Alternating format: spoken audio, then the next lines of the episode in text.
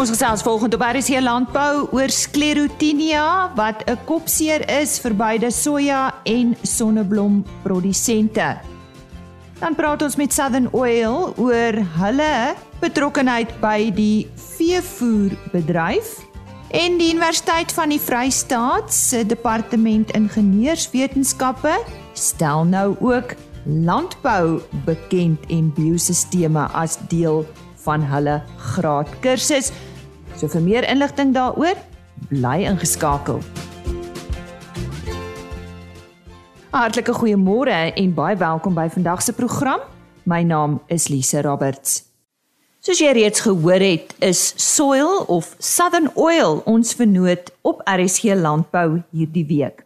Ek gesels nou met hulle bemarkingsbestuurder veevoer Wilhelm Wolmerans. Wilhelm, herinner ons net weer wie is Southern Oil? Môre Lise, baie dankie vir die geleentheid om met jou en jou luisteraars te gaan gesels. Kyk, Lise, tradisioneel word Southern Oil of Soil soos ons genoem word, um eintlik geken as die enigste lokale vervaardigers van canola olie in Suid-Afrika. Ons hoofkantoor en fabriek is geleë in Swellendam in die middel van die Oeverberg Ja, die Wesensuidkaap is maar baie bekend vir sy produksie van canola saad. Maar die maatskappy het ook baie gedifferensieer um in ander produkte in die afgelope paar jaar. En daaroor sal ek 'n bietjie uitwy met jou vanoggend. Wat bied julle sover dierevoeding betref? So Lise, ons ek ek verdeel dit maar altyd op in die twee afdelings, die meel uh, kant, die produkte wat ons in meel produseer en verkoop en dan ons verskillende olies want die veevoermark gebruik ook heelwat olies. Net so van interessantheid 1 kg olie het 2.8 maal die energie wat 1 kg mielies het. So jy kan net sien hoe hoe hoe um, baie digte energie inhoud uh, uh, 1 kg olie het. So veevoer gebruik ook redelik olie. Ehm um, maar om te begin aan die meelkant is ons heel grootste produk is canola meel omdat jou canola saad so wat 60% meel bevat en 40% olie. So die meel is maar die byproduk en dit is omtrent dis meer as 50 60% van ons hele boek is canola oliekoek. Hm. Ehm um, in 2022 behoort ons rondom 9000 ton uh canola oliekoek 'n maand te kan produseer. En canola oliekoek vergelyk baie met sonneblom oliekoek en soja oliekoek. Dit het 'n 35% proteïen. Studies wys ook met herkouers dat dit 'n baie hoë verbyvloeiwaarde het. Ehm um, tot so hoog as 50%. Ehm um, van canola olie oliekoek se proteïenwaarde is verbyvloei. En dan interessant is ons die enigste lokale uh oliekoek uh produsent in in die Wes en Suid-Kaap. So wat dit beteken is meeste van die oliekoeke so soja, sonneblom, katoensaad, al daai oliekoeke word na die Weskaap gebring of vervoer. Het sy ingevoerde oliekoek soja um normaalweg of van die rand af soja en en sonneblom. Dit is ook in kort op ons grootste produk canola meel en dan mieliekiem meel doen ons ook. Ons pers ook 'n bietjie ehm um, uh mielieolie of corn oil soos die, die Engelse dit sal noem. En ons pers dit uit mieliekiem uit. Die produk word ook genoem DFG. Hoeveelhede is baie minder, maar is ook 'n goeie produk vir vir al herkouers. Dan wat ons ook het aan die meelkant is is coconut meel. Ons het so 'n paar jaar terug 'n per coconut pers aanlag in Machis Mosambiek naby Injambaan bekom. En daar basies wat ons daar doen is ons neem die die coconuts in sonder die dop, die vleisgedeelte. Hy het so 60% olie inhoud, 40% meel en ons pers weer die olie die kokonaolie uit die uit die ehm um, uit daai flesh uit so of die, of daai vleisgedeelte van die kokonat hmm. en dan sit ons met kokonaolie en kokonatmeel. Die kokonatmeel word ook eintlik ehm um, meer koprameel genoem. Ons verkry dit maar van lokale kokonatboere af in die Mosambiek area. Wie Ja, so en dit dan doen ons ook so 'n bietjie sojaoliekoek ehm um, wat maar ingevoer word. En ja, dan is dit is aan die meelkant. Willem, wie bedien julle? Wie is julle kliënte? Ons kliënte is is maar nasionaal of en dis veevoermaatskappye, dis voerkrale, dis individuele boere, dis agri landboubesighede wat altyd 'n voerafdeling het by hulle handelstakke. So dit is baie wyd versprei. So julle bedien nasionaal. Dis ek reg? Ja, ons bedien nasionaal en binnekort Namibië ook. Fantasties. Om jy af te sluit Willem, vertel ons meer van julle byprodukte wat bydra tot julle unieke voetspore en watter waarde dit toevoeg tot die groter canola bedryf en op die ou end is die produsent maar die ene wat uh, wat daar ook van belang is, né? Ja, ons probeer maar in die waardeketting integreer en waarde toevoeg tot ons produkte. Een so produk wat ons wat ons doen is om uit gewone voergraad canola olie 'n olie vir melkbore te maak sodat hulle dit saam met hulle voer kan toedien om opblaas te voorkom op lucerne weidings, klawerweidings sekere tye van die jaar. Dan probeer ons ook olie voergraad olie wat eintlik maar byprodukte is en wat nie na die menslike mark toe kan gaan nie, probeer ons maar ook dan aan voerkrale verkoop as 'n alternatief tot ander energiebronne. En dan probeer ons mengsels ook maak van oliekoeke wat wat ons uh obviously verhit en uh die bypass waarde probeer verhoog. En dan is ons ook in die probeer ons byproduk olies opkoop soos uh, visolie, hoenderolie, beesvet, volstruisolie, al die olies wat ook in ons areas voorkom, maar wat eintlik ehm um, gewoonlik van uh, sal mense sou sê wat daar nie voor 'n mark was. Ons probeer 'n mark daarvoor skep en hierdie olies gaan weer of in veevoerprodukte soos pet food olies, hoenderolies wat ons ook in daai sektor kan gebruik dan. Willem, maar wat van julle canola olie? Ja, Lise, dit is ons kan nie vergeet daarvan nie. Dit is baie groot komponent van van ons voer afdeling. So ons doen canola olie, ons doen mielieolie, ons doen kokonaolie wat ons self pers en dan verhandel ons ook bietjie palmolie, sojaolie en sonneblomolie. Alles meestal krieolies vir die voerbedryf. So ja, dit is ook 'n groot komponent wat ons gaan verskaf. Dit is dan Willem Wolmeraan. Sy is die bemarkingsbestuurder van veevoer by Southern Oil wat vandag met ons gesels het oor olie en meel wat uh, vir veevoer gebruik word. Vir meer inligting, besoek gerus Southern Oil se webtuiste, maar dit staan bekend as www.soil. Dit is 2 L S O I L L www.soil.co.za. Sklerotinia is tans een van die siektes wat die grootste skade veroorsaak vir sojabone en sonneblomprodusente. Sklerotinia is 'n swam met meer as 500 gasheer spesies wat oliesade, groente en onkruide insluit. Die siekte is wêreldwyd van belang en beheermaatreëls bied selfs internasionaal uitdagings. Daar is 'n netwerk, die South African Sclerotinia Research Network gestig waar industrie en navorsers saamwerk om oplossings vir die swam te probeer vind. Ek gesels vandag met Dr. Mikkie Human van Graan SA. Mikkie, waar kom sklerotinia voor in Suid-Afrika? Sklerotinia kom reg oor Suid-Afrika voor. In die somergraangebiede is die vernaamste gewasse wat hierdeur geaffekteer word sojas en sonneblom. En in um, die wintergraangebied is canola natuurlik een van die gewasse wat wat dit ook ervaar.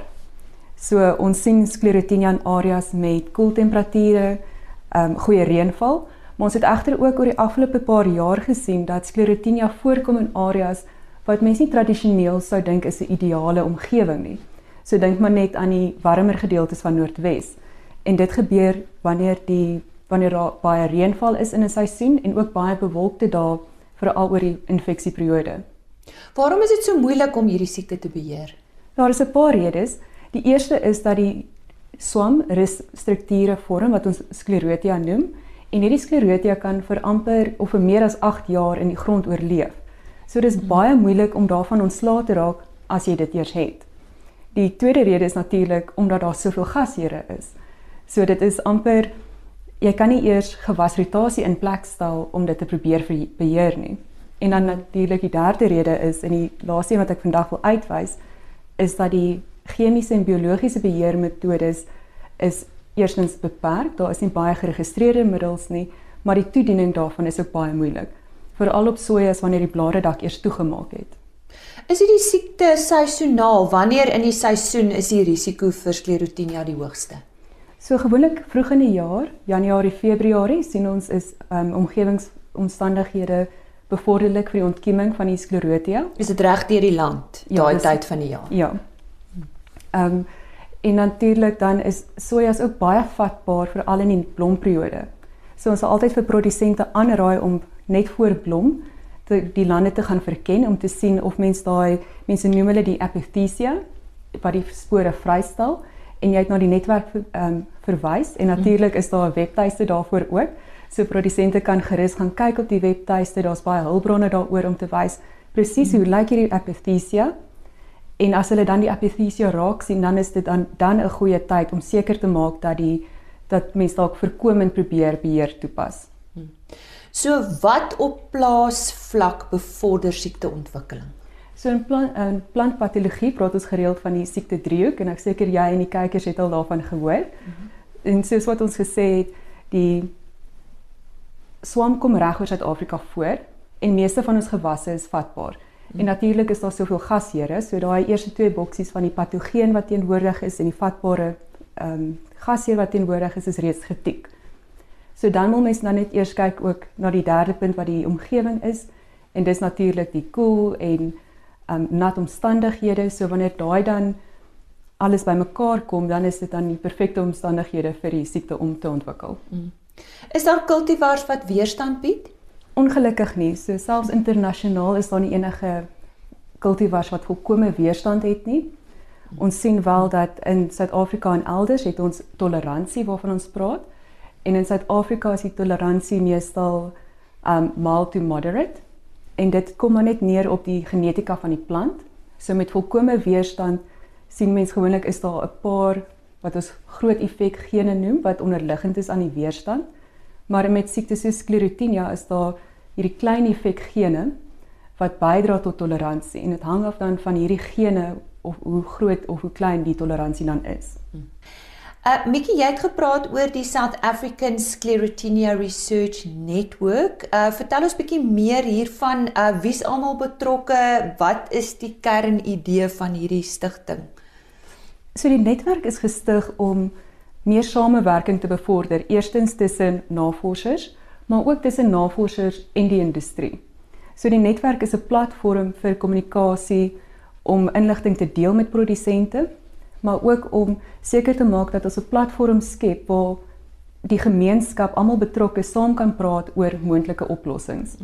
So op hierdie stadium is daar 'n baie baie ehm um, verskeidenheid van rolspelers betrokke soos dit navorsers van die Universiteit van die Vrystaat, Universiteit van Pretoria, die Weskaapse Departement van Landbou en natuurlik het ons alreeds 'n hele paar befondsers wat deel is van van hierdie netwerk en wat ehm um, finansiële hulp gee daarvoor waarvoor ons baie dankbaar baie is. Baie belangrik, ja.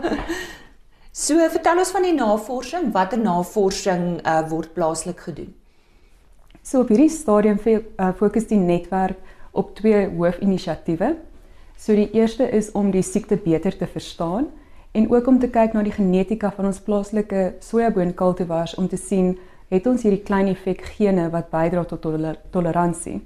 En vir hierdie navorsing word daar redelik baie kultivar evaluasies gedoen onder verskillende plantdatums op twee lokaliteite en dis vir beide sojas en sonneblomme. En dan word daar natuurlik ook werk in die glashuis gedoen en in die laboratorium om te kyk het ons hoe lyk die genetika van ons plaaslike soja kultivars. En hierdie navorsing word deur die Universiteit van die Vrystaat um in gedoen in samewerking met die Landbou Navorsingsraad en um ook met AgriSeed and Technology. So ons is baie dankbaar vir almal wat deel word vorm van hierdie navorsing en natuurlik ook vir die befondsers, die Olie en Proteïen Saad Develop Ontwikkelingstrust, um, die Departement van Wetenskap en Innovasie en dan ook die Technology Innovation Agency. Nou goed, kom ons gaan so 'n bietjie terug plaas toe. Ek is 'n produsent en ek het sklerotinia op my plaas. Wat staan my te doen? Sjoe, dis dan nou 'n moeilike vraag. so wat ons kan voorstel is vir produsente om hulle arsenaal op te bou van wat is daardie praktyke wat moontlik voorkomend kan wees en wat ook kan daartoe werk om die inokulumdruk op plaasvlak te verminder.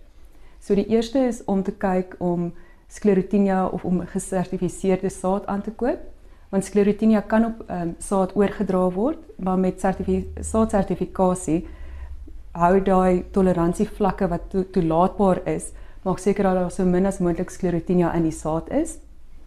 Die tweede is ook om die agronomiese praktyke so te bestuur dat die omgewing omgewingstoestande so veel as moontlik die siekte benadeel. Mm. So daarna verwys ons veral met sojas wat 'n uh, baie digte blare dak vorm om te kyk na die mikroklimaat onder daardie blare dak om die om dit so negatief as moontlik te hou vir die swam want in kommersiële sojaboonproduksie is die neiging om nye rouwyte te hê met 'n groter plantestand en daardie blare dak wat dan toemaak, maak dit baie gunstig vir die swam. Produsente kan ook kyk na hulle plantdatums om te probeer vroeër plant en na die early maturity groups aan te plant waar moontlik. Ehm, die derde punt is ook om seker te maak hulle is goed verwittig van watter chemiese en biologiese beheermiddels is beskikbaar en wanneer toediening toediening moet plaasvind. En die laaste punt daar is maar net om seker te maak dat vir al die gewasse rondom die die ehm um, velde waar die gewasse aangeplant word, dat die plante daarom liggend dat daar nie sklerotinia is nie om veral mm. seker te maak daar's goeie onkruidbeheer in plek. Mm. Om jy af te sluit Mikkie, hoe hoe lyk die pad vorentoe vir sklerotinia navorsing? Wat ons baie graag sal wil sien gebeur is baie meer samewerking tussen die navorsingsgemeenskap saam met die industrie sodat ons kan werk na oplossings wat regtig voorkomend is. Mm. Want um, ons het nou al gesien dit is baie moeilik om sklerotinia te beheer as dit eers daar is. So om te kyk wat kan ons doen om te keer dat die siekte voorkom en sodat ons kan seker maak dat die inokulumdruk so laag as moontlik bly. Mm. En dalk net 'n webtuiste of indien iemand graag bietjie meer daaroor wil gaan lees, wat sal jy aanbeveel? Ja, so ehm um, produsente enigiemand kan gerus die South African Sclerotinia Research Network gaan Google. Hulle het ook 'n Facebook bladsy en daar is nog ons oude oulike video's wat Lise Rothman gereeld oplaai oor hulle veldproewe wat hulle doen. Dit was dan Dr Mikkie Human van Graan SA en net daardie uh webtuiste vir die South African Sclerotinia Research Network is uh, sclerotinia.co.za.